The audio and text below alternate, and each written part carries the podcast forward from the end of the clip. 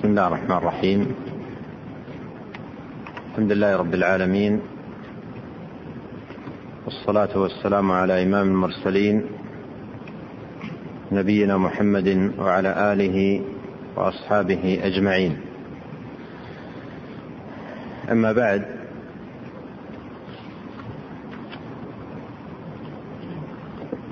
ذكر المصنف رحمه الله القاعدة السادسة من قواعد الصفات ألا وهي يلزم في إثبات الصفات التخلي عن محذورين عظيمين التمثيل والتكييف. وسبق آه، أن أن آه، تكلمنا بعض الشيء على التمثيل ذلك المحذور الخطير الذي ينبغي على المسلم أن يكون في غاية الحذر منه لأن الله جل وعلا تثبت له صفاته على الوجه الذي يخصه ويليق بجلاله وكماله وهو سبحانه وتعالى كما قال عن نفسه ليس كمثله. وكما قال هل تعلم له سميا. قد ذكر المصحف الأدلة على بطلان التشبيه من السمع ومن العقل. ثم ختمها ببيان الفرق بين التشبيه والتمثيل. قال والتشبيه كالتمثيل وقد يفرق بينهما بأن التمثيل للتسوية في كل الصفات والتشبيه التسوية في أكثر الصفات لكن التعبير بنفي التمثيل أولى لموافقة القرآن ليس كمثله شيء. هذه فائدة ختم بها رحمه الله التحذير من التمثيل وهي في بيان الفرق بين التمثيل والتشبيه. وكثيرا ما يأتي في كتب أهل العلم في التحذير من التمثيل استعمال نفي التشبيه. يقولون لا, لا شبيه له ويراد بذلك لا مثيل له أو لا شبه له ويراد لا مثل له. فيطلق التشبيه ويراد يطلق نفي التشبيه ويراد به نفي التمثيل. وهذا يأتي كثيرا في في كلام أهل العلم وفي كتب السلف يأتي ذم التشبيه به ذم التمثيل. لكن الشيخ رحمه الله يشير إلى أن ثمة فرق بينهما. قال آه التمثيل التسوية في كل الصفات. التمثيل التسوية في كل الصفات. إذا قيل هذا مثل هذا أي في كل الصفات. أما التشبيه فإنه فإنها تسوية في في بعض الصفات. فإنها تسوية في بعض الصفات أو في أكثر الصفات. فهذا الفرق بينهما. التمثيل تسوية في كل الصفات والتشبيه تسوية في أكثر الصفات. والذي جاء نفيه التمثيل كما قال الله تبارك وتعالى ليس كمثله شيء. ولهذا يقول الشيخ رحمه الله الأولى أن يستعمل التعبير القرآني لا التعبير الإنساني.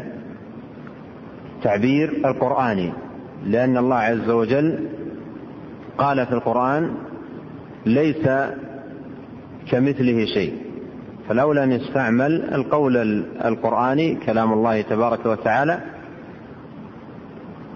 لا آه، آه، نفي التشبيه. على أنه إذا استعمل نفي التشبيه كما هو وارد في كثير من كتب أهل العلم مرادا به نفي التمثيل فلا حرج في ذلك.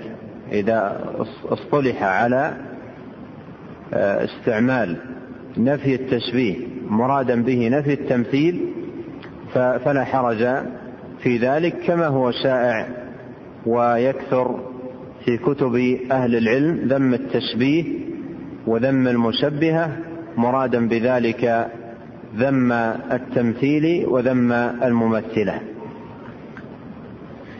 ثم أخذ يتكلم عن المحذور الثاني وهو ذم التكييف. نعم. بسم الله الرحمن الرحيم. الحمد لله رب العالمين والصلاة والسلام على نبينا محمد وعلى آله وصحبه أجمعين. قال المؤلف رحمه الله تعالى وأما التكييف فهو أن يعتقد المثبت أن كيفية صفات الله تعالى كذا وكذا. من غير أن يريدها المماثل وهذا اعتقاد باطل بدليل السمع والعقل أما السمع فمنه قوله تعالى ولا يحيطون به علما. وقوله ولا تقف ما ليس لك به علم إن السمع والبصر والفؤاد كل أولئك كان عنه ومن المعلوم أنه لا علم لنا بكيفية صفات ربنا لأنه تعالى أخبرنا عنها ولم يخبرنا عن كيفيتها فيكون تكليفنا قول لما ليس لنا به علم وقول بما قولا بما لا يمكننا الإحاطة به. وأما العمل فلأن الشيء لا تعرف كيفية صفاته إلا بعد العلم بكيفية ذاته أو العلم بنظيره المساوي له أو بالخبر الصادق عنه وكل هذه الأمور منتفية في كيفية صفات الله عز وجل ووجب الطلاب فيها وأيضا فإننا نقول أي كيفية تقدرها لصفات الله تعالى إن أي كيفية تقدرها في ذكركم الله أعظم وأجل من ذلك وأي كيفية تقدرها لصفات الله تعالى فإنك تكون فيها لأنه لا لك بذلك وحينئذ يجب الكف عن التكليف تقديرا للجلال أو تقديرا للإنسان أو تقديرا للبنات.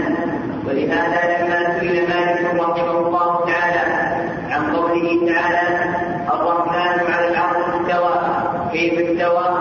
أطلق رحمه الله برحمه حتى على الفقراء العرش ثم قال الاستواء والكيف غير معقول والإيمان به واجب والسؤال عنه بدعه وروي عن ابن ربيعه أيضا الاستواء غير مجهول والكيف غير معقول. وقد نفى أهل العلم بعدهما على هذا الميزان وإذا كان الكيف غير معقول ولم يرد به الشرع فقد انتفى عنه دليلان العقل الشرعي ووجب الكف عنه. فالحذر الحذر محاولته انك اذا فعلت وقعت في مفاوز لا تستطيع الفراغ منها وإن ألقاه الشيطان في قلبك فاعلم أنه من نزغاته فارجع إلى ربك فإنه معاك وافعل ما أمرك به فإنه طبيبك قال الله تعالى وإما ينزغنك من الشيطان نزغ فاستعذ بالله إنه هو السميع العليم. هذا بيان من المصنف رحمه الله لهذا المحذور الذي هو التكييف. والتكييف باطل كالتمثيل. ولا سبيل للعبد أن يعرف كيفية صفات الله تبارك وتعالى. وإثبات أهل السنة والجماعة لصفات الله جل وعلا. إثبات وجود لا إثبات تكييف. عندما نقول لله سمع ولله بصر ولله يد ولله قدم ونحو ذلك من صفاته فإثباتنا لها إثبات وجود لا إثبات تكييف. نحن نثبت وجودها بأن الرب العظيم متصف بها لكننا لا نعلم كيفيتها لأن الله عز وجل أخبرنا بأنه متصف بهذه الصفات ولم يخبرنا بكيفيتها. ولا مجال في هذا الباب لتجاوز ما جاء في كتاب الله وسنة نبيه صلى الله عليه وسلم. قد سبق أن مر معنا قول الإمام أحمد رحمه الله نصف الله بما وصف به نفسه وبما وصفه به رسوله صلى الله عليه وسلم لا نتجاوز القرآن والحديث. والقرآن والحديث ليس فيهما إلا إثبات الصفات وليس فيهما بيان لكيفيتها. ولهذا كيفية مجهولة. لم تبين لم تبين لنا في القرآن ولا في السنة ولا طريق ولا سبيل إلى معرفتها. ولهذا وجب على المؤمن أن يقطع الطمع من نفسه في إدراك كيفية صفة الرب. قد يقع في النفس طمع في معرفة كيفية صفة الرب. كأن تتساءل نفسه كيف يده؟ كيف يده سبحانه؟ كيف سمعه؟ فالواجب في مثل هذه الحال أن يقطع الطمع من قلبه. بألا يفكر وألا يقدر وألا يعمل ذهنه في هذا الباب لأنه إعمال للذهن وشغل للفكر فيما لا سبيل له إلى الوصول إليه وتحصيله. ولو لو اشتغل مشتغل بهذا الباب فكل ما يقدره ذهنه من كمال وجمال وحسن وعظمة فالله أجل وأكبر من ذلك. كما قال الله كما يقول المؤمن معظما ربه الله أكبر. وبين النبي عليه الصلاة والسلام معنى ذلك بقوله في حديثه لعدي يا عدي ما يفرك؟ أيفرك أن يقال الله أكبر؟ وهل شيء أكبر من الله؟ وهل شيء أكبر من الله؟ فالله عز وجل هو الكبير المتعال. ولا يمكن للعقول القاصرة والأفكار الضعيفة أن تبلغ معرفة كنه صفاته سبحانه وتعالى. ولهذا وجب في هذا الباب أن يقطع الإنسان الطمع في معرفة الكيفية وإثبات أهل السنة والجماعة للصفات هو إثبات وجود لا إثبات تكييف. ولهذا من قواعد هذا الباب قول السلف رحمهم الله أمروها كما جاءت بلا كيف. أمروها كما جاءت بلا كيف. أمروها أي نصوص الصفات وأحاديث الصفات. كما جاءت أي كما جاءت محملة بالمعاني فنمرها كما جاءت بإثبات معانيها اللائقة بالله وبجلاله وكماله وعظمته سبحانه بلا كيف. أي بلا خوض منا في معرفة الكيفية.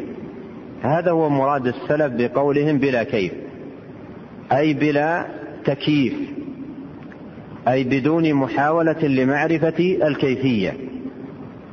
فالنفي هنا نفي للعلم كيفية لا نفي لوجود الكيفية.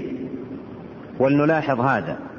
قول السلف رحمهم الله بلا كيف ينفون علمنا بالكيفية أي بدون محاولة لمعرفة الكيفية لأن هذا لا سبيل إليه. وليس مرادهم بقولهم بلا كيف أي أن صفة الله لا كيفية لها. هذا لا يقوله أحد من السلف لأن ما لا كيفية لصفته عدم. ما لا كيفية لصفته عدم. والنفي هنا للعلم لا لوجود الكيفية. صفات الله تبارك وتعالى لها كيفية هو أعلم بها سبحانه. لكننا ننفي علمنا.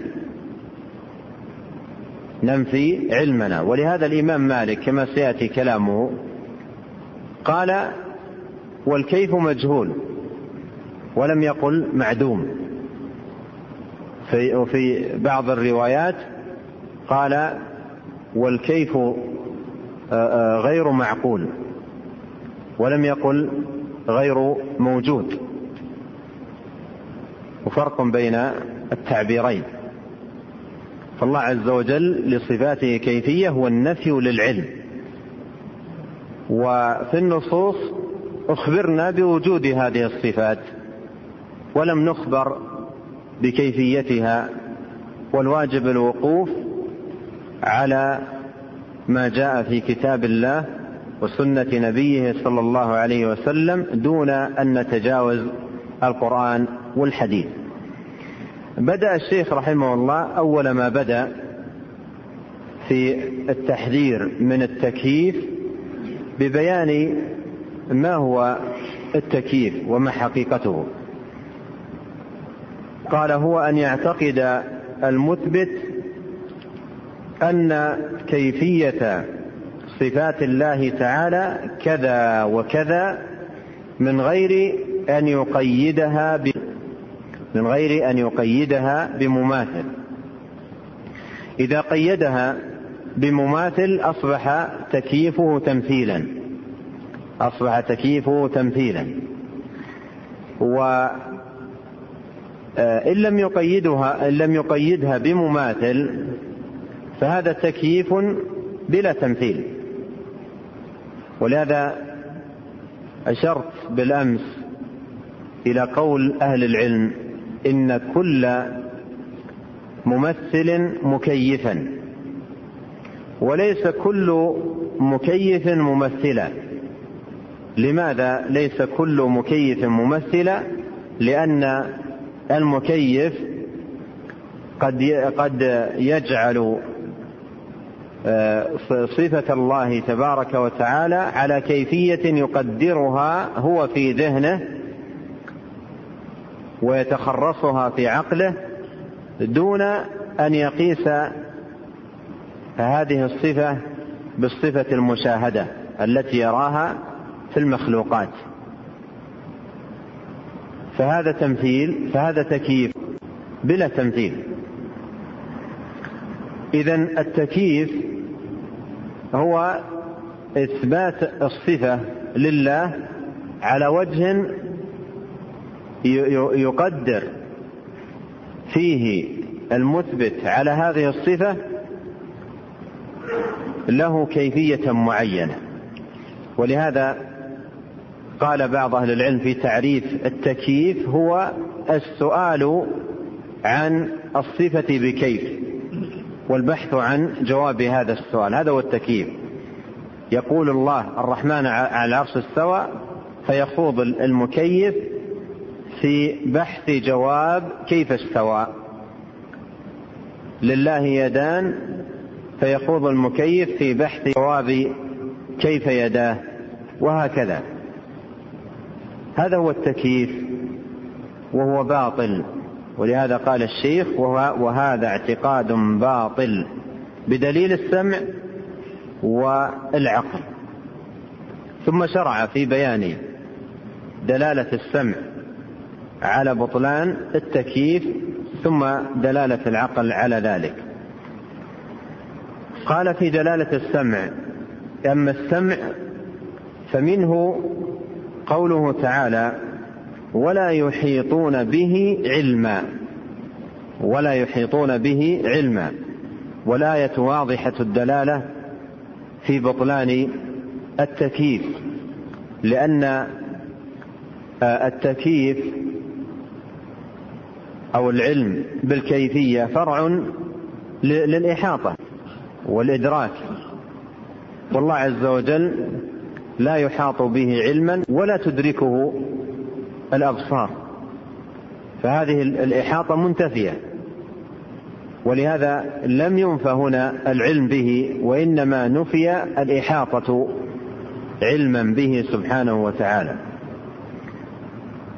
قال وقوله ولا تقف ما ليس لك به علم إن السمع والبصر والفؤاد كل أولئك كان عنه مسؤولا.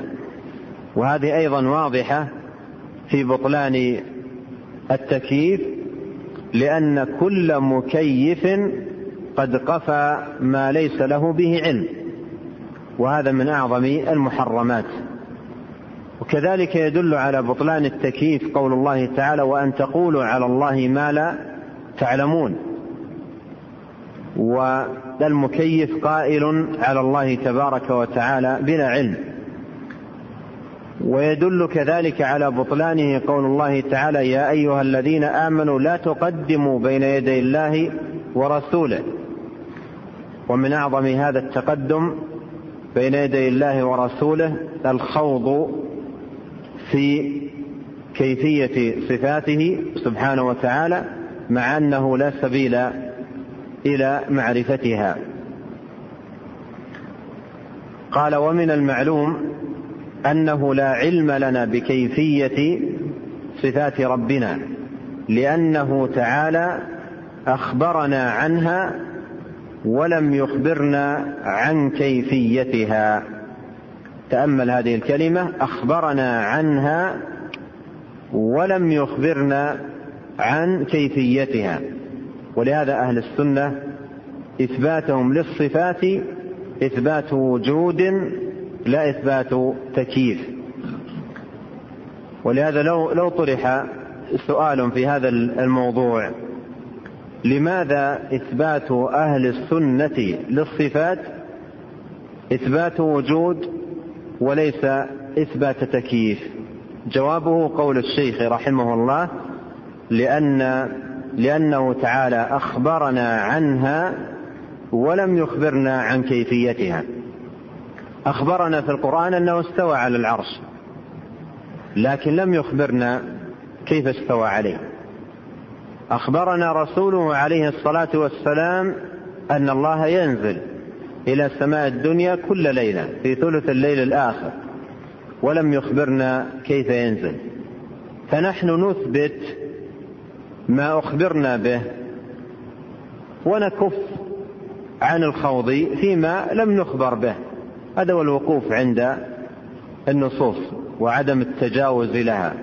نثبت ما أخبرنا به وما لم نخبر به نكف. فأخبرنا بالصفات نثبتها ونؤمن بها. ولم آه، نخبر بكيفية الصفات فلا نخوض في هذا الباب. فلا نخوض في هذا الباب مع قطعنا بأن لصفات الله تبارك وتعالى كيفية لكنها مجهولة بالنسبة لنا لا نعلمها. قال فيكون تكييفنا قفوا لما ليس لنا به علم. وقولا بما لا يمكننا الإحاطة به. هنا يشير إلى الدليلين السابقين. قوله آه، يكون قفوا هذا إشارة إلى الدليل الثاني وهو قوله ولا تقف ما ليس لك به علم. وقوله بما لا يمكننا الإحاطة به إشارة إلى الدليل الأول ولا يحيطون به علما. ولا يحيطون به علما. ثم بعد ذلك ذكر رحمه الله الدليل العقلي على بطلان التكييف. قال وأما العقل فلأن الشيء لا تعرف كيفية ذاته إلا بعد العلم بكيفية ذاته أو العلم بنظيره المساوي له أو بالخبر الصادق عنه. وكل هذه الطرق منتفية في كيفية صفات الله عز وجل فوجب بطلان تكييفها. هذه الآن ثلاثة طرق ذكرها الشيخ رحمه الله وكلها منتفية.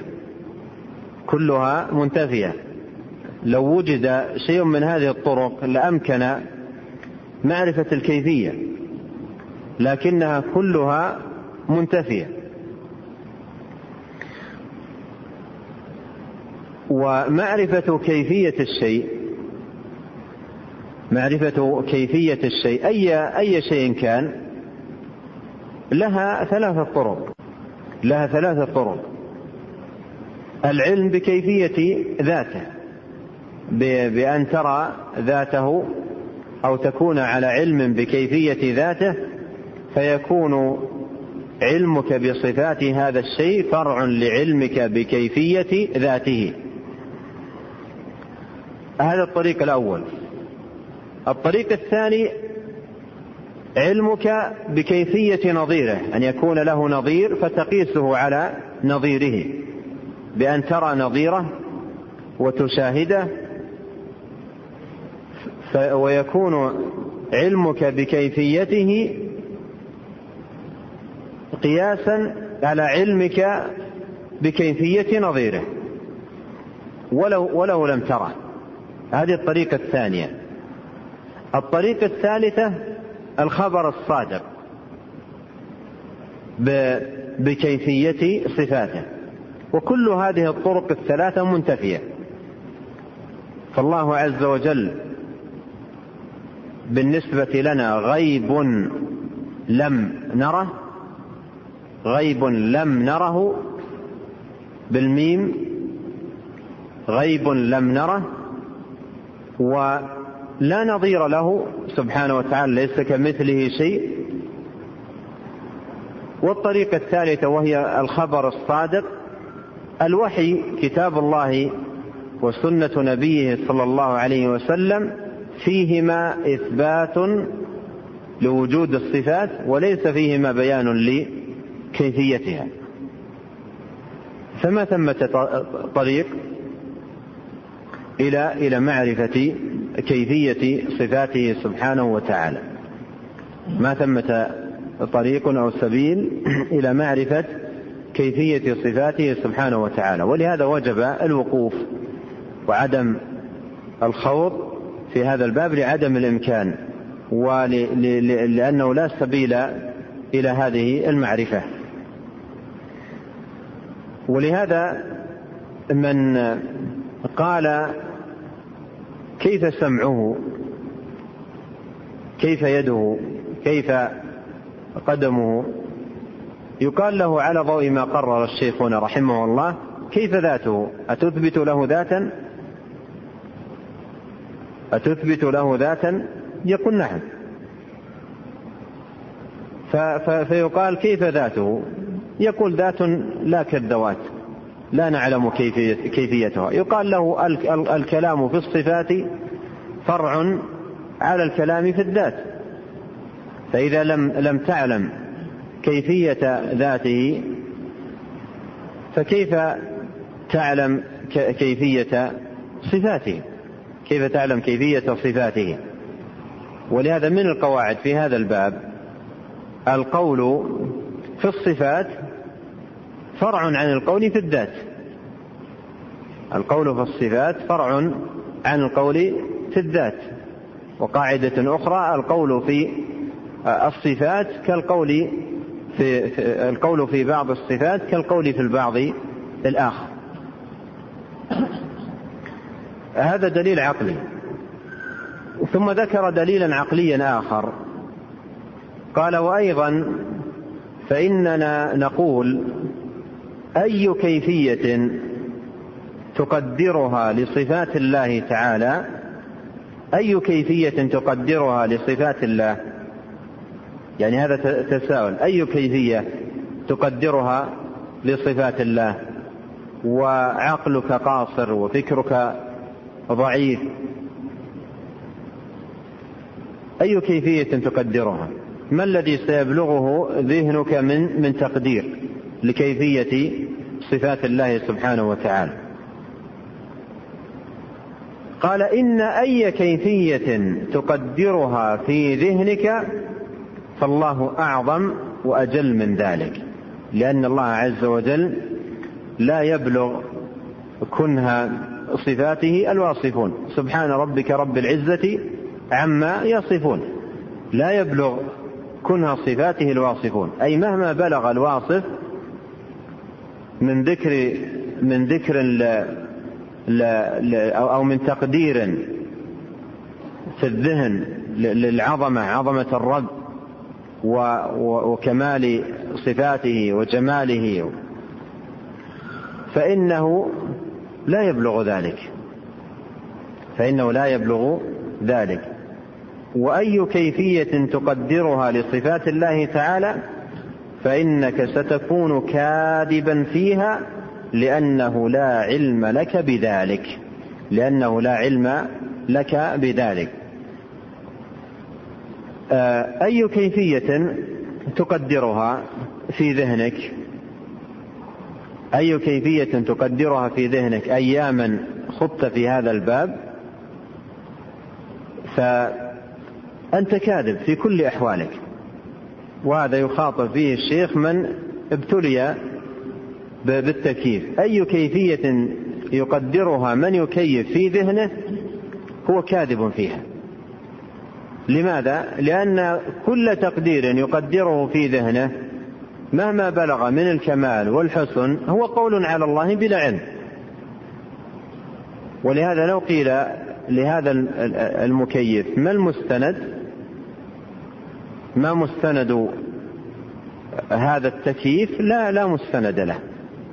إلا التخرص والخوض بالعقل فيما لا سبيل للعقل أن يصل إليه. هذا من جهة. من جهة أخرى أشرت إليها وهي أن مهما قدر في في ذهنه وتصور في فكره أمرا يرى أنه هو صفة الرب سبحانه فالله عز وجل أكبر من ذلك. فالله أكبر من ذلك.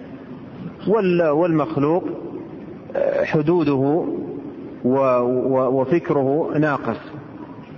وإذا أصبح وإذا أصبح آه، يريد أن أن يجعل صفة الرب تبارك وتعالى على ضوء ما يشاهده ويراه في في هذه المخلوقات. يصبح شأنه كما قال بعض آه، العلماء شأن رجل ولد كثيف البصر لم يرى شيء من من من هذه المخلوقات. ولم يشاهد شيئا منها. وفي لحظة من حياته من الله عليه بأن فتح عينيه ثم عاد إليه العمى مرة ثانية فلم يرى إلا رأس ديك. فتح عينيه فلم يرى إلا رأس ديك. هذا الذي شاهد. فكان كله شيء قاسه على رأس الديك. إذا قال له قالوا له الجمل قال ما حجمه بالنسبة لرأس الديك؟ يقيس كل شيء على على رأس الديك. هذا مثال ذكره بعض بعض بعض أهل العلم والأمثلة توضح بعض الشيء المعاني. فالإنسان الذي شاهد هذا الكون ورأى هذه المخلوقات الصغيرة كيف يقحم عقله وفكره في معرفة صفة الرب العظيم والخالق الجليل. ولهذا من الوجوه العقلية أيضا في إبطال التكييف أن الإنسان عاجز أن الإنسان عاجز عن إدراك كيفية كثير من المخلوقات. عن إدراك كيفية كثير من المخلوقات فكيف آه، يدرك كيفية صفات خالقها؟ إذا كان عاجز عن إدراك كيفية المخلوقات فكيف السبيل إليه أن يدرك كيفية الخالق؟ ولهذا ذكر الذهبي في ترجمة عبد الرحمن بن مهدي في سير أعلام النبلاء أنه لقي غلاما مبتلى بالتكييف في صفات الرب. ويخوض فيها ويتكلم في, في, في هذا الباب مقدرا كيفيات لصفات الرب سبحانه. فقال له عبد الرحمن بن مهدي دعنا ننظر في كيفية صفات في كيفية صفات بعض المخلوقات.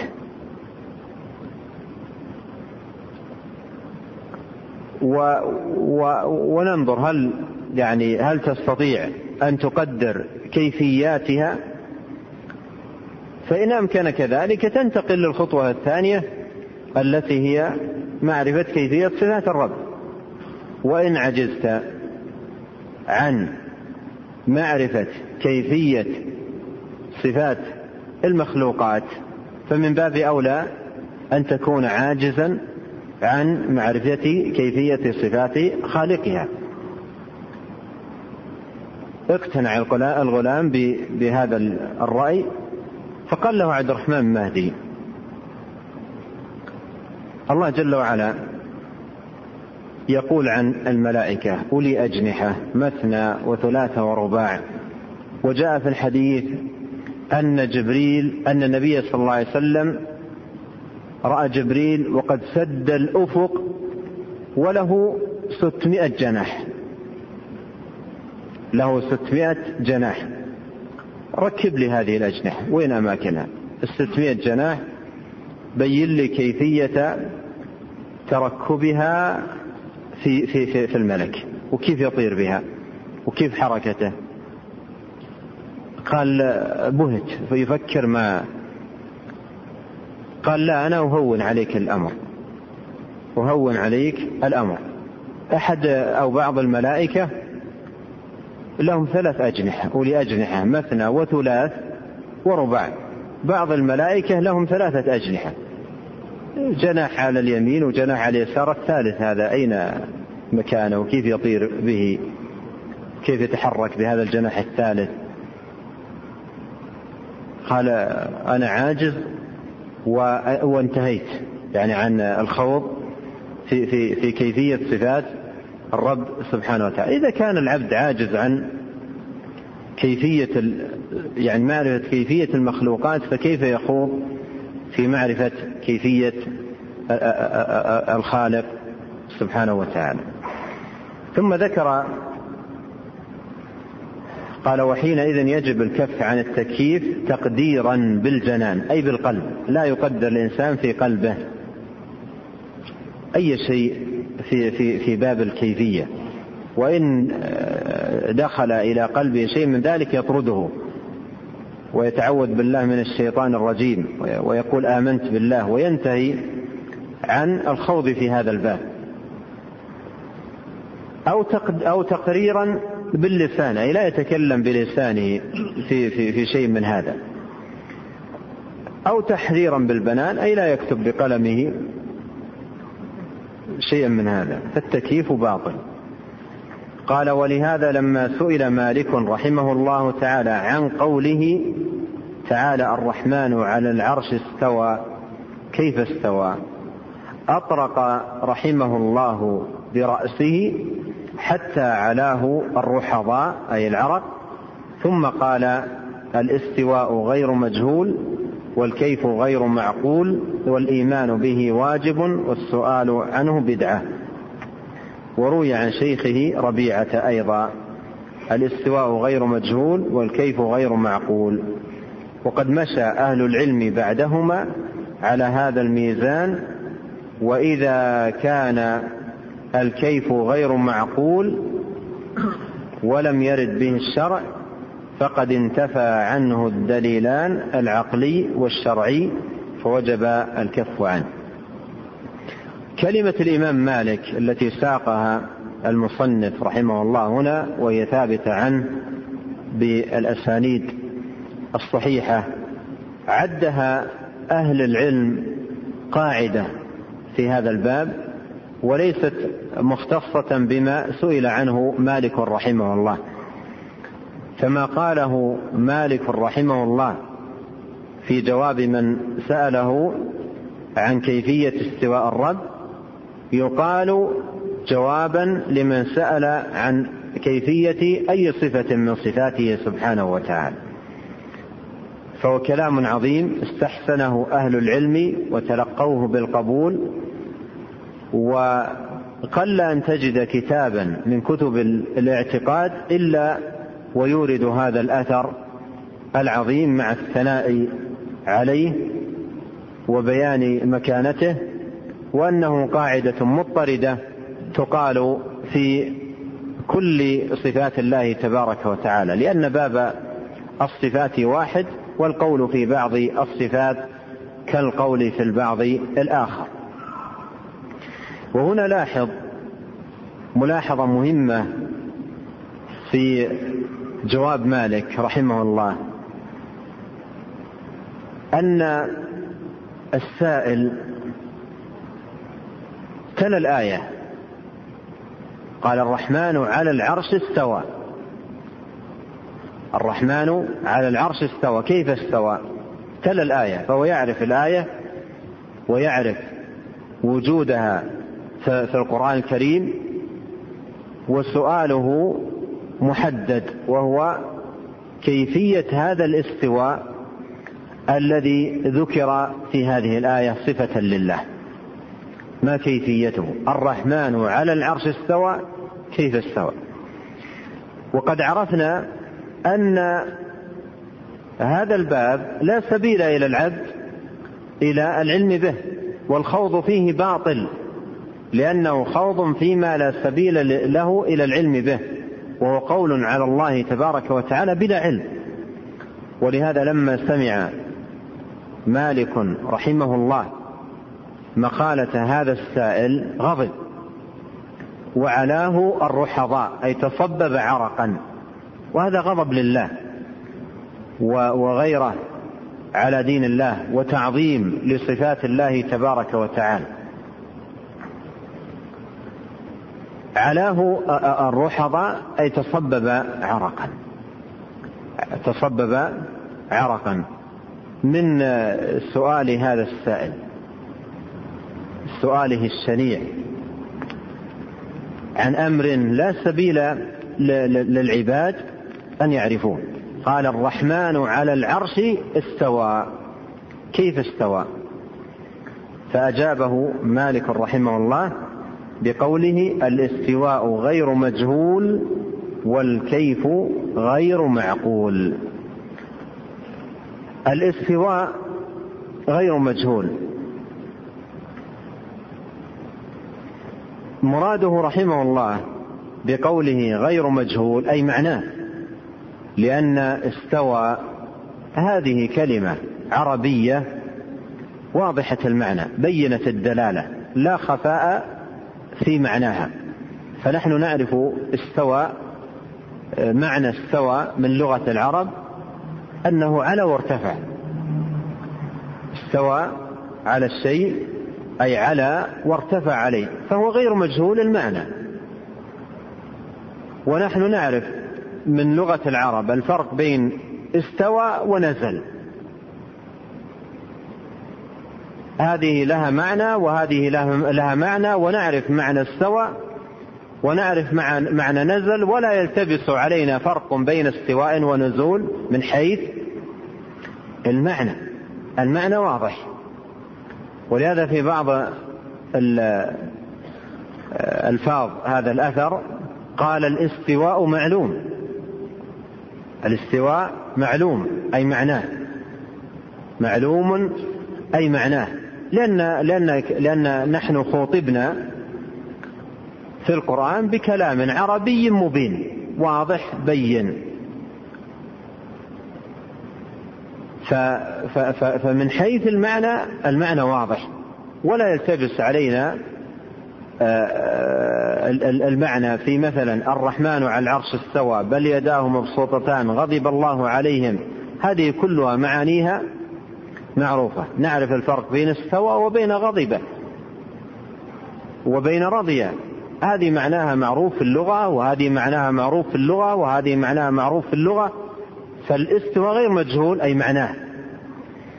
وهذا أيضا هو معنى اللفظ الآخر الاستواء معلوم أي المعنى.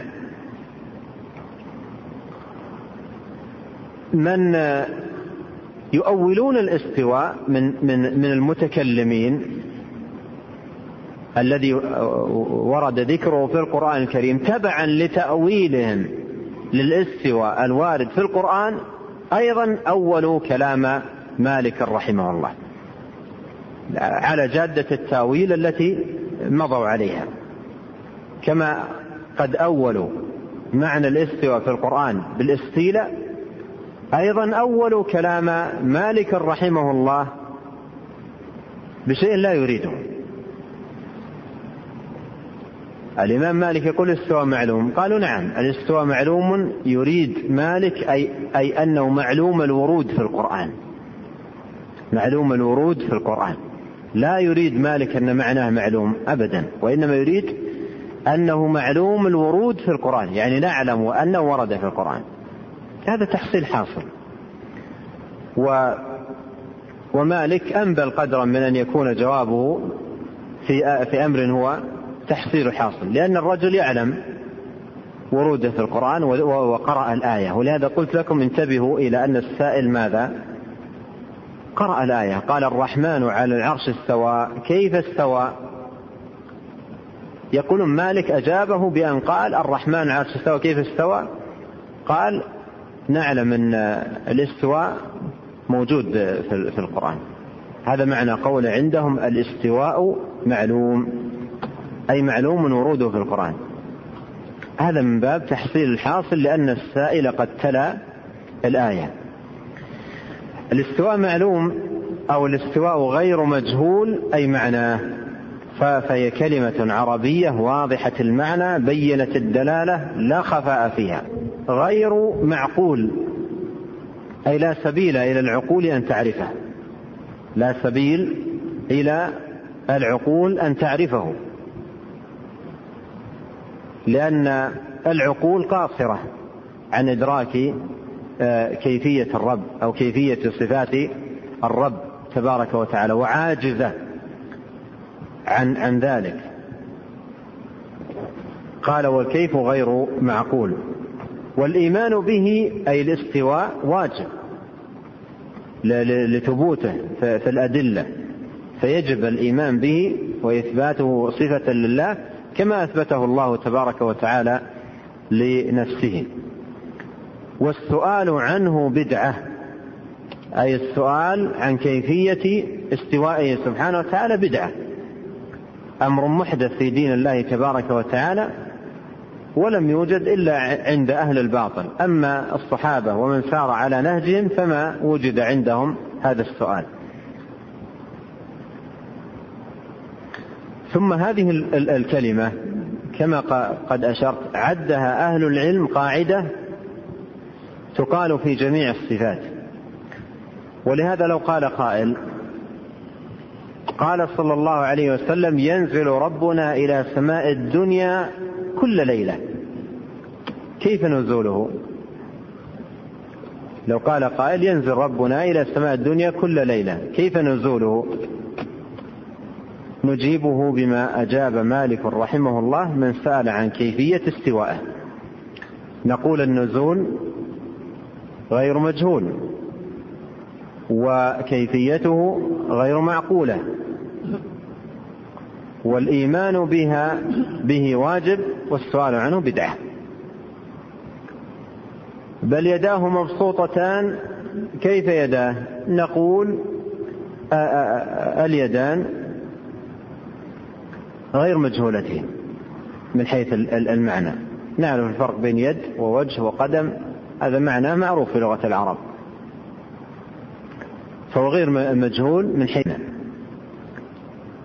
والكيف غير معقول. كيفية اليدين غير معقول لا نعقل. كيفية كيفية آه، يديه سبحانه وتعالى. والسؤال والإيمان به بهما واجب يعني صفة لله والسؤال عن كيفيتهما بدعة محدثة في دين الله تبارك وتعالى. وهي قاعدة تقال في الصفات الذاتية والصفات الفعلية. في كل الصفات يمكن أن تجيب من سأل عن الكيفية بما أجاب به مالك رحمه الله من سأله عن كيفية الاستواء. وأشار الشيخ إلى أن هذا الأثر أيضا روي عن عن شيخ مالك ربيعة الرأي أنه قال أي أنه قال الاستواء غير مجهول والكيف غير معقول ولهذا مالك رحمه الله يحتمل أنه سمع الجواب من شيخة في وقت سابق فأجاب به بناء على ما سمعه من شيخة واحتمال أن يكون هذا من باب إيش؟ التوافق. من باب التوافق في آه الإجابة. يعني آه جواب التلميذ وافق جوابا كان لشيخه في مثل هذه المناسبة. فيحتمل أن مالك أن مالكا رحمه الله سمع الجواب من شيخه فأجاب بهذا الجواب على ضوء سماعه من شيخه ويحتمل أن يكون لم يسمعه ووافق جوابه جواب شيخه. قال وقد مشى أهل العلم بعدهما أي مالك وشيخه على هذا الميزان. لاحظ قوله على هذا الميزان إشارة إلى أن هذا الأثر يعد ميزانا في الباب أي قاعدة تطبق في جميع الصفات ويسار على ضوئها في جميع الصفات. ولهذا يمكن أن نأخذ من من أثر مالك قاعدة يعني نصوغه صياغة قاعدة. فماذا نقول؟ صفات الله غير مجهولة وكيفياتها غير معقولة والإيمان بها واجب والسؤال عنها بدعة. قال وإذا كان الكيف غير معقول ولم يرد به الشرع فقد انتفى عنه الدليلان العقلي والشرعي فوجب الكف عنه. انتفى عنه الدليلان العقلي آه العقلي مثل ما قال الإمام مالك الكيف غير معقول. فالدليل العقلي انتفى لا سبيل إلى العقل أن يبلغه. والدليل الشرعي منتفي لأنه كما عرفنا ليس في الشرع في فيما يتعلق بالصفات إلا إثبات الوجود. أما إثبات الكيفية فهذا ليس موجودا في القرآن والسنة. ثم قال رحمه الله فالحذر الحذر من التكييف أو محاولته فإنك إن فعلت وقعت في مفازة أو في مفاوز لا تستطيع الخلاص منها. يعني في مهلكة. إذا أقحم الإنسان عقله وفكره في هذا الباب وقع في مهلكة. وأدخل نفسه في في باب عطب وهلاك وردى من غير طائل من غير أن يحصل نتيجة. فهو يخوض في في في في باب لا سبيل إلى آه، الوصول منه إلى غاية بل لا يصل منه إلا إلى الضلال والردى. قال وإن ألقاه الشيطان في قلبك والشيطان قد يلقي في قلب الإنسان شيء من هذه الوساوس آه، كيف كذا وكيف كذا يلقي. فما الواجب في مثل هذا المقام؟ قال وإن ألقاه الشيطان في قلبك فاعلم أنه من نزغاته فالجأ إلى ربك فإنه معاذك. يعني استعذ بالله كما قال الله وإما ينزغنك من الشيطان نزغ فاستعذ بالله. وقل رب أعوذ بك من همزات الشياطين. قل أعوذ برب الناس ملك الناس إله الناس من شر الوسواس الخناس الذي يوسوس في صدور الناس من الجنة والناس. تعوذ بالله من الشيطان واطرد هذا الهاجس والفكر من قلبك ولا تبقي تبقيه في قلبك. وأيضا انتهي عن عن هذا الأمر وامتنع عنه.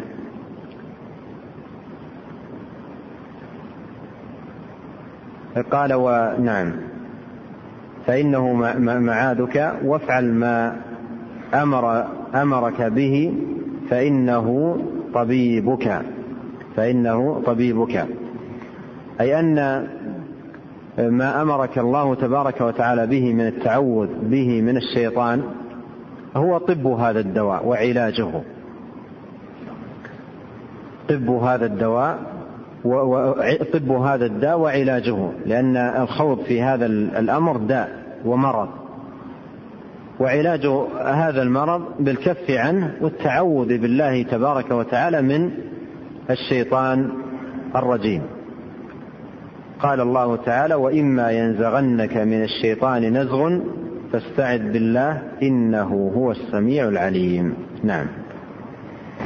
قال رحمه الله القاعده السابعه بان الله تعالى تكليفيه لا مجال للعقل فيها فلا تثبت لله تعالى من الصفات الا ما دل الكتاب والسنة على ثبوته قال الامام احمد رحمه الله تعالى لا يثبت الله الا بما وصف به نفسه أو وصفه به رسوله لا يتجاوز القران والحديث ولدلاله الكتاب والسنة على ثبوت صفه ثلاثة ثلاثة اوجه الأول التصديق بالصفات كالعزه والقوة والرحمة والفضل والوجه واليدين ونحوهما. الثاني تضمن الحكم لها مثل الغفور متضمن للمغفرة والسميع متضمن للسمع ونحو ذلك. الثالث التصريح بفعل أو وصف دال عليها كالاستواء على الأرض والنزول إلى السماء الدنيا والمجيء للفضل بين القيامة والانتقام من المسلمين. الدال عليها على الترتيب قوله تعالى الرحمن على العرش استوى. وقول النبي صلى الله عليه وسلم ينزل ربنا إلى السماء الدنيا الحديث. وقول الله تعالى وجاء ربك والملك صفا صفا وقوله أنا من المسلمين منتقمون آه قبل الكلام على هذه القاعدة هذه ورقة من أحد إخوانكم. يذكر أن امرأة في المستشفى مستشفى الولادة محتاجة إلى دم فصيلة A زائد. ويذكر أنها حالتها شديدة. فمن كان منكم عنده استطاع لمساعدتها فنسأل الله جل وعلا أن يثيبه وأن يجزيه خير الجزاء وهذا العمل داخل تحت قوله تعالى ومن أحياها فكأنما أحيا الناس جميعا وهو من اصطناع المعروف ومن تفريج الكروبات ويدل على فضله عمومات كثيرة في كتاب الله وسنة نبيه صلى الله عليه وسلم. والأخ الذي يطلب المساعدة موجود فمن كان عنده استعداد يتفضل بمرافقته للتبرع. ونسأل الله عز وجل التوفيق للجميع. قال رحمه الله القاعدة السابعة صفات الله تعالى توقيفية لا مجال للعقل فيها. لا مجال للعقل فيها. فلا نثبت لله تعالى من الصفات إلا ما دل الكتاب والسنة على ثبوته. آه قال صفات الله تعالى توقيفية. هذه نظير هذه القاعدة آه نظير القاعدة التي مرت معنا في باب قواعد الأسماء أسماء الله توقيفية. ولهذا الأدلة التي ساقها الشيخ رحمه الله هناك مستدلا بها على أن أسماء الله التوقيفية هي ذاتها دليل على أن صفات الله تبارك وتعالى توقيفية. ومعنى توقيفية أي يتوقف في إثباتها على النص لا يتجاوز كتاب الله وسنة وكتاب الله وسنة نبيه صلى الله عليه وسلم. ولهذا ساق المصنف هنا قول الإمام أحمد رحمه الله لا يوصف الله إلا بما وصف به نفسه أو وصفه به رسوله صلى الله عليه وسلم لا يتجاوز, لا يتجاوز القرآن والحديث. انظر القاعدة الخامسة في الأسماء لأن الباب واحد باب الأسماء والصفات يتوقف فيه على النص ولا يتجاوز فيه الدليل.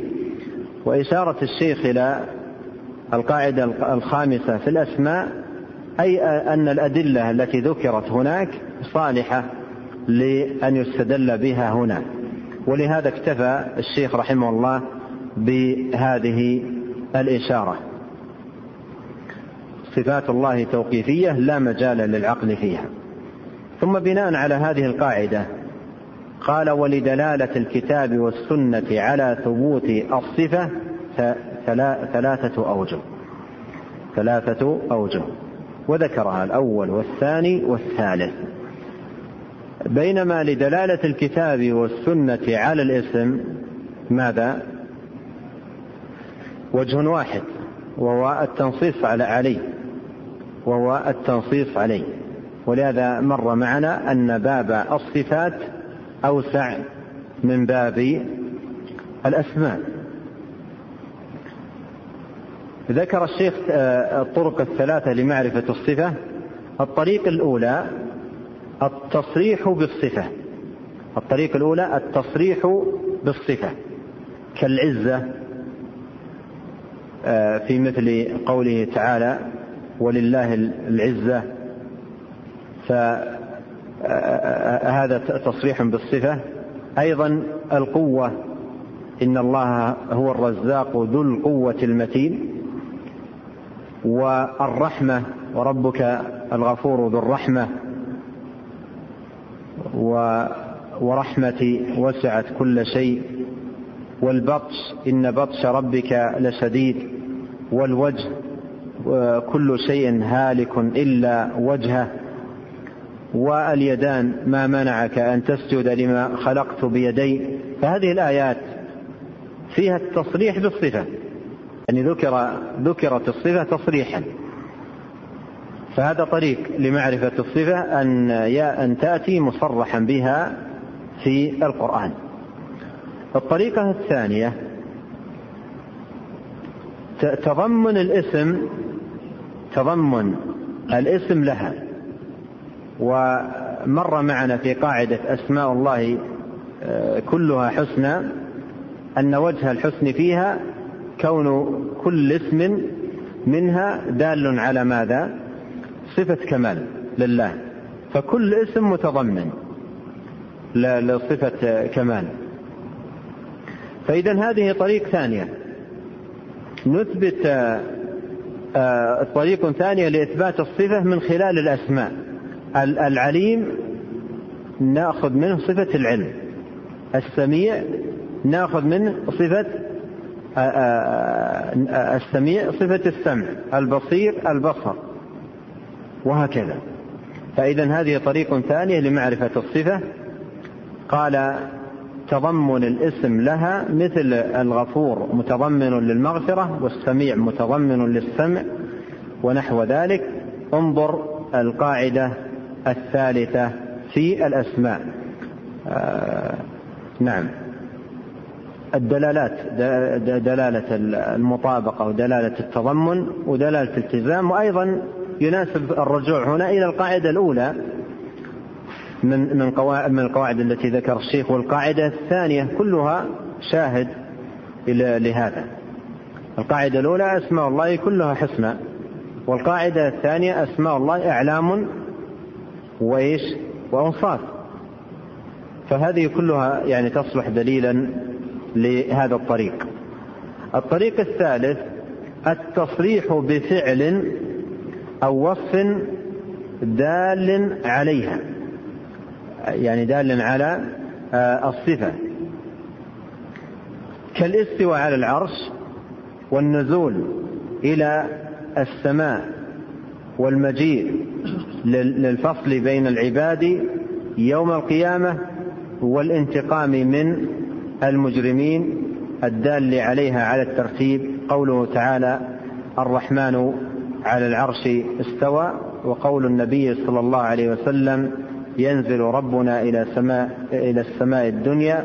وقول الله تعالى وجاء ربك والملك صفا صفا. وقوله إن من المجرمين منتقمون. فلاحظ هنا على الترتيب. آه، قوله استوى هذا فعل. هذا فعل. أخذ منه الصفة الاستواء. وكذلك قوله ينزل هذا فعل. أخذ منه صفة وهي النزول. وقوله وجاء هذا فعل. أخذ منه صفة المجيء.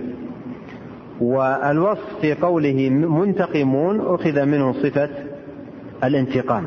أخذ منه صفة أخذ منه صفة الانتقام.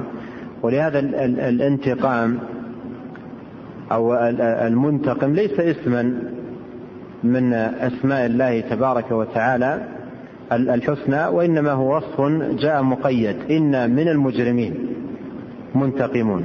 فلهذا هذا الوصف المقيد لا يؤخذ منه اسم آه، لله آه، تبارك وتعالى. الشاهد أن هذه ثلاثة طرق لمعرفة لمعرفة الصفة عن عن طريق التصريح بها وعن طريق الاسم الذي تضمنها وعن طريق الفعل الذي دل عليها. وأيضا ثم طريق رابع لمعرفة الصفة وسبق أن أشار إليه الشيخ رحمه الله عندما تكلم عن آه، آه، الصفات السلبية ذكر هناك قاعدة في الصفات السلبية أن آه، أنها ليست ليس السلب فيها محضا وصرفا وإنما هو نفي متضمن ماذا؟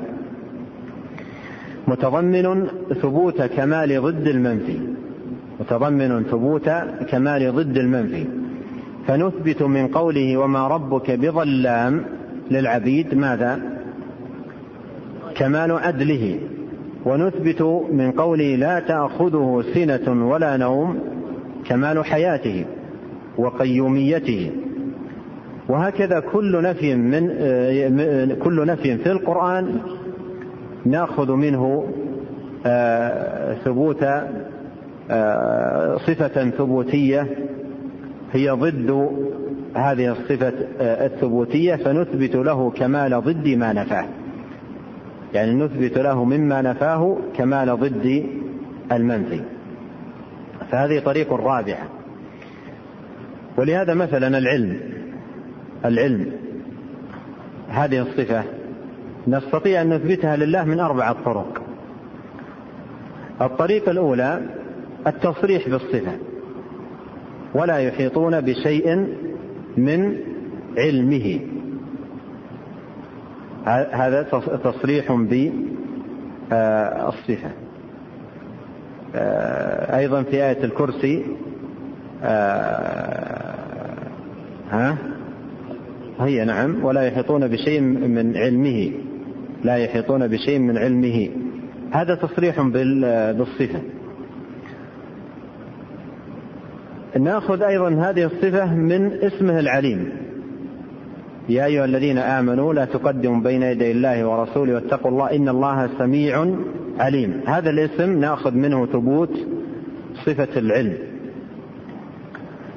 أيضا طريق ثالثة نأخذ منها صفة العلم.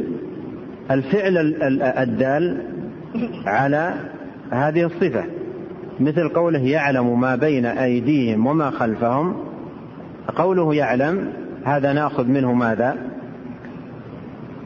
صفة العلم يعني الفعل الدال على الصفة. وطريق الرابع ناخذ منه هذه الصفة آه، إثبات كمال ضد المنفي. مثلا قوله وما كان ربك نسيا. نفي النسيان عنه دليل على ماذا؟ كمال العلم. أيضا قوله وما الله بغافل. نفي ذلك دليل على كمال علمه. أيضا قوله تعالى وما كان الله ليعجزه. نفي ذلك دليل على علمه. وما كان الله ليعجزه من شيء في السماوات ولا في الأرض إنه كان عليما قديرا. ولهذا الشيخ رحمه الله هناك إن لو رجعنا إلى آه، ما ذكره رحمه الله في القاعدة الثالثة من قواعد الصفات في آخرها قال مثال مثال ثالث قوله تعالى وما كان الله ليعجزه من شيء في السماوات ولا في الأرض إنه كان عليما قديرا. فنفي العجز عنه يتضمن كمال علمه وقدرته. يتضمن كمال علمه وقدرته. ولهذا قال بعده إنه كان عليما قديرا. يعني ما كان ليعجزه لكمال علمه وقدرته. ولهذا ختم الآية بقوله إنه كان عليما قديرا. لأن العجز سببه إما الجهل بأسباب الإيجاد وإما قصور القدرة عنه. فلكمال علمه وقدرته لم يكن ليعجزه شيء في السماوات ولا في الأرض. قال وبهذا المثال علمنا أن الصفة السلبية قد تتضمن أكثر من كمال أكثر من كمال. على كل حال هذه الآن أربعة طرق يمكن من خلالها معرفة كيفية آه، عفوا معرفة آه، آه، الصفة. يمكن من خلالها معرفة الصفة إما التصريح بها أو أو تضمن الاسم لها أو الفعل الدال عليها أو إثبات أو إثباتها من خلال النفي الذي يتضمن إثبات كمال ضد المنفي. نعم. قال رحمه الله قواعد في أدلة الأسماء والصفات القاعدة الأولى الأدلة التي يثبت بها أسماء الله تعالى وصفاته هي كتاب الله تعالى وسنة وسنة رسوله صلى الله عليه وسلم. فلا تثبت أسماء الله وصفاته بغيرهما. وعلى هذا فما ورد إثباته لله تعالى من ذلك في الكتاب والسنة وجب إثباته وما ورد نفيه فيهما وجب نفيه مع إثبات كمال الذكر وما لم يجد إثباته ولا نفيه فيهما وجب التوقف في نقله فلا يثبت ولا يثبت لعدم ورود الاثبات والنفي فيه وأما معناه فيفصل فيه فإن أريد به حق يليق بالله تعالى فهو مقبول وإن أريد به معنى لا يليق بالله عز وجل وتبركه فإما ورد إثبات لله تعالى كل صفة دل عليها اسم من أسماء الله تعالى إذا مطابقة أو تضمن أو التزام ومنه كل صفة عليها فعل من أفعاله كالاستواء على العرش والنزول إلى السماء الدنيا والمجيء للحكم بين عباده يوم القيامة ونحو ذلك من أفعاله التي لا تصان وعوها فضلا عن أفرادها ويفعل الله ما يشاء ومنه الوجه والعنان والإعداد ونحوها ومنه الكلام والمشيئة والإرادة بقسميها الكوني والشرعي فالكونية بمعنى المشيئة والشرعية بمعنى المحبة ومنه الرضا والمحبة والغضب والكرامة ونحوها نعم قال رحمه الله قواعد في أدلة الأسماء والصفات. هذه القواعد التي ساقها الشيخ رحمه الله هنا تحت هذا العنوان قواعد في أدلة الأسماء والصفات. هي في الحقيقة قواعد في غاية الأهمية في غاية الأهمية لأن مع كثرة المناهج والطرائق التي تتعامل مع نصوص الكتاب والسنة على وجهات مختلفة جعلت آه، متأكدا في حق من يريد لنفسه السلامة والنهج الصحيح أن يسير في فهم النصوص على ضوء قواعد صحيحة. وضوابط قويمة حتى لا ينحرف لا ينحرف به السبيل. فالمناهج في فهم النصوص وفهم القرآن وفهم السنة كثيرة ومتعددة. وكل يدعي أن نهجه هو النهج الصحيح. وهذه القواعد التي يذكر الشيخ رحمه الله هي قواعد في ضبط المنهج مع الأدلة أو هي قواعد في النهج الذي ينهجه المسلم مع أدلة الأسماء والصفات. كيف يستدل وكيف يتعامل مع الأدلة وكيف يكون طريقه مع هذه الأدلة؟ فكل هذه القواعد تضبط هذا المسار. وتحدد معالمه ويؤمن بضبطها والسير على ضوئها يؤمن بإذن الله تبارك وتعالى من العثار. قال القاعدة الأولى الأدلة التي ثبتت أو نعم الأدلة التي تثبت بها أسماء الله وصفاته هي كتاب الله تعالى وسنة رسوله صلى الله عليه وسلم فلا تثبت أسماء الله وصفاته بغيرهما. هذا مقدمة للقاعدة. والشيخ رحمه الله سبق أن ذكر الأدلة على ذلك عندما بين أن أسماء الله وصفاته توقيفية أي يتوقف فيها على ما جاء في كتاب الله وسنة نبيه صلى الله عليه وسلم. فالادله التي تثبت بها الصفات هي الكتاب والسنة. قال وعلى هذا يعني بناء على هذا الأصل المكين والأساس المتين بناء عليه فما ورد إثباته لله تعالى من ذلك في الكتاب والسنة وجب إثباته. وما ورد نفيه فيهما وجب نفيه مع إثبات كمال ضده وما لم يرد إثباته ولا نفيه فيهما وجب التوقف في لفظه فلا يثبت ولا ينفى لعدم ورود الإثبات والنفي وأما معناه فيفصل فيه فإن أريد به حق يليق بالله تعالى فهو مقبول وإن أريد به معنى لا يليق بالله عز وجل وجب رده الأصل هنا في في في في القاعدة أن أن الصفات لا تثبت إلا بدليل من الكتاب والسنة. هذا هو الأصل.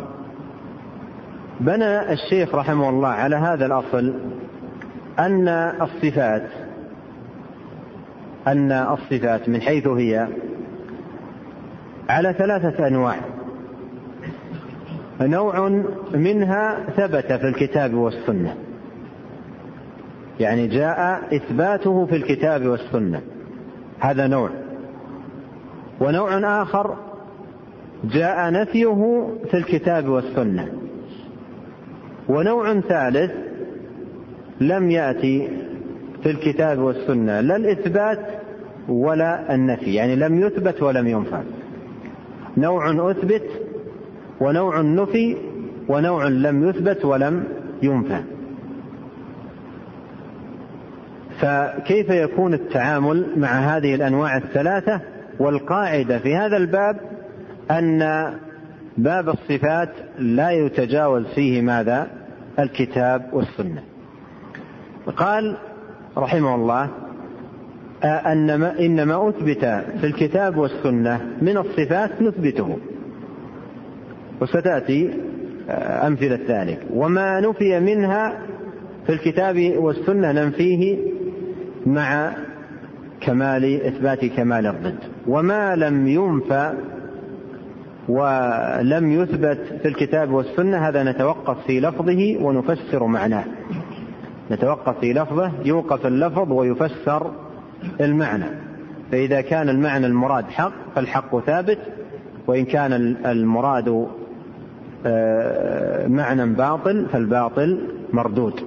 هذا إجمال سيأتي تفصيله. والقسمة التي ذكر ثلاثة. سيبدأ في بتفصيلها واحدا واحدا. فبدأ بالأول ولهذا يحسن أن نضع رقم واحد عند قوله فمما ورد إثباته لله. هذا رقم واحد. الذي هو النوع الأول من أنواع الصفات. فمما ورد إثباته لله تعالى كل صفة دل عليها اسم من أسمائه تعالى دلالة مطابقة أو تضمن أو التزام ومنها كل صفة دل عليها فعل من أفعاله كالاستواء على العرش والنزول إلى السماء الدنيا والمجيء للفصل بين عباده يوم القيامة ونحو ذلك من أفعاله التي لا تحصى أنواعها فضلا عن أفرادها ويفعل الله ما يشاء. ومنها الوجه والعينان واليدان ونحوها أي منها ما صرح فيه بالصفة أو نص فيه على الصفة. ومنها الكلام والمشيئة والإرادة بقسميها الكوني والشرعي فالكونية بمعنى المشيئة والشرعية بمعنى المحبة ومنها الرضا والمحبة والغضب والكراهة ونحوها. قال الشيخ في الهامش أدلة هذه مذكورة في مواضعها من كتب العقائد. الكلام على هذه الصفات وعلى أدلتها ومناقشة المخالفين في هذا بابه واسع وربما أن الوقت لا يتسع للخوض في ذلك. فأحيلكم مثل ما أحال الشيخ رحمه الله إلى كتب العقائد مثل العقيدة الواسطية لشيخ الإسلام ابن تيمية رحمه الله. مع شروحاتها أرى أنها كافية ووافية في بيان ذلك. قال ومما ورد نفيه عن الله سبحانه وتعالى لانتفائه وثبوت كمال ضده الموت والنوم والسنة والعجز والإعياء والظلم والغفلة عن أعمال العباد أخذا من قوله وما ربك بغافل وأن يكون له مثيل أو كفء ونحو ذلك. قال في الهامش أدلة هذه مذكورة في مواضعها من كتب العقائد. هذا النوع الثاني ما ورد نفيه والطريقة في هذا النوع أن ينفى عن الله تبارك وتعالى كما نفاه الرب سبحانه وتعالى عن نفسه. نعم. أنا تعديت القارئ. ها؟ طيب أعد. ومما ورد نفيه ومما ورد نفيه عن الله سبحانه. بإثباته وثبوت كمال مسجد الموت والنوم والصيام والعجز والإعياء والظلم والغفلة عن أعمال العباد وأن يكون له مثيل أو كفر ونحو ذلك. نعم هذا الآن نكتب عليه رقم اثنين يعني عند قوله ومما ورد نفيه عن الله سبحانه وتعالى هذا يأخذ رقم اثنين الذي هو النوع الثاني من من من أنواع الصفات ثم بعده يعني يأخذ رقم ثلاثة عند قوله ومما لم يرد إثباته هذا يأخذ رقم آه ثلاثة والثالث يعني يحتاج إلى شيء من الوقفة والآن الوقت انتهى.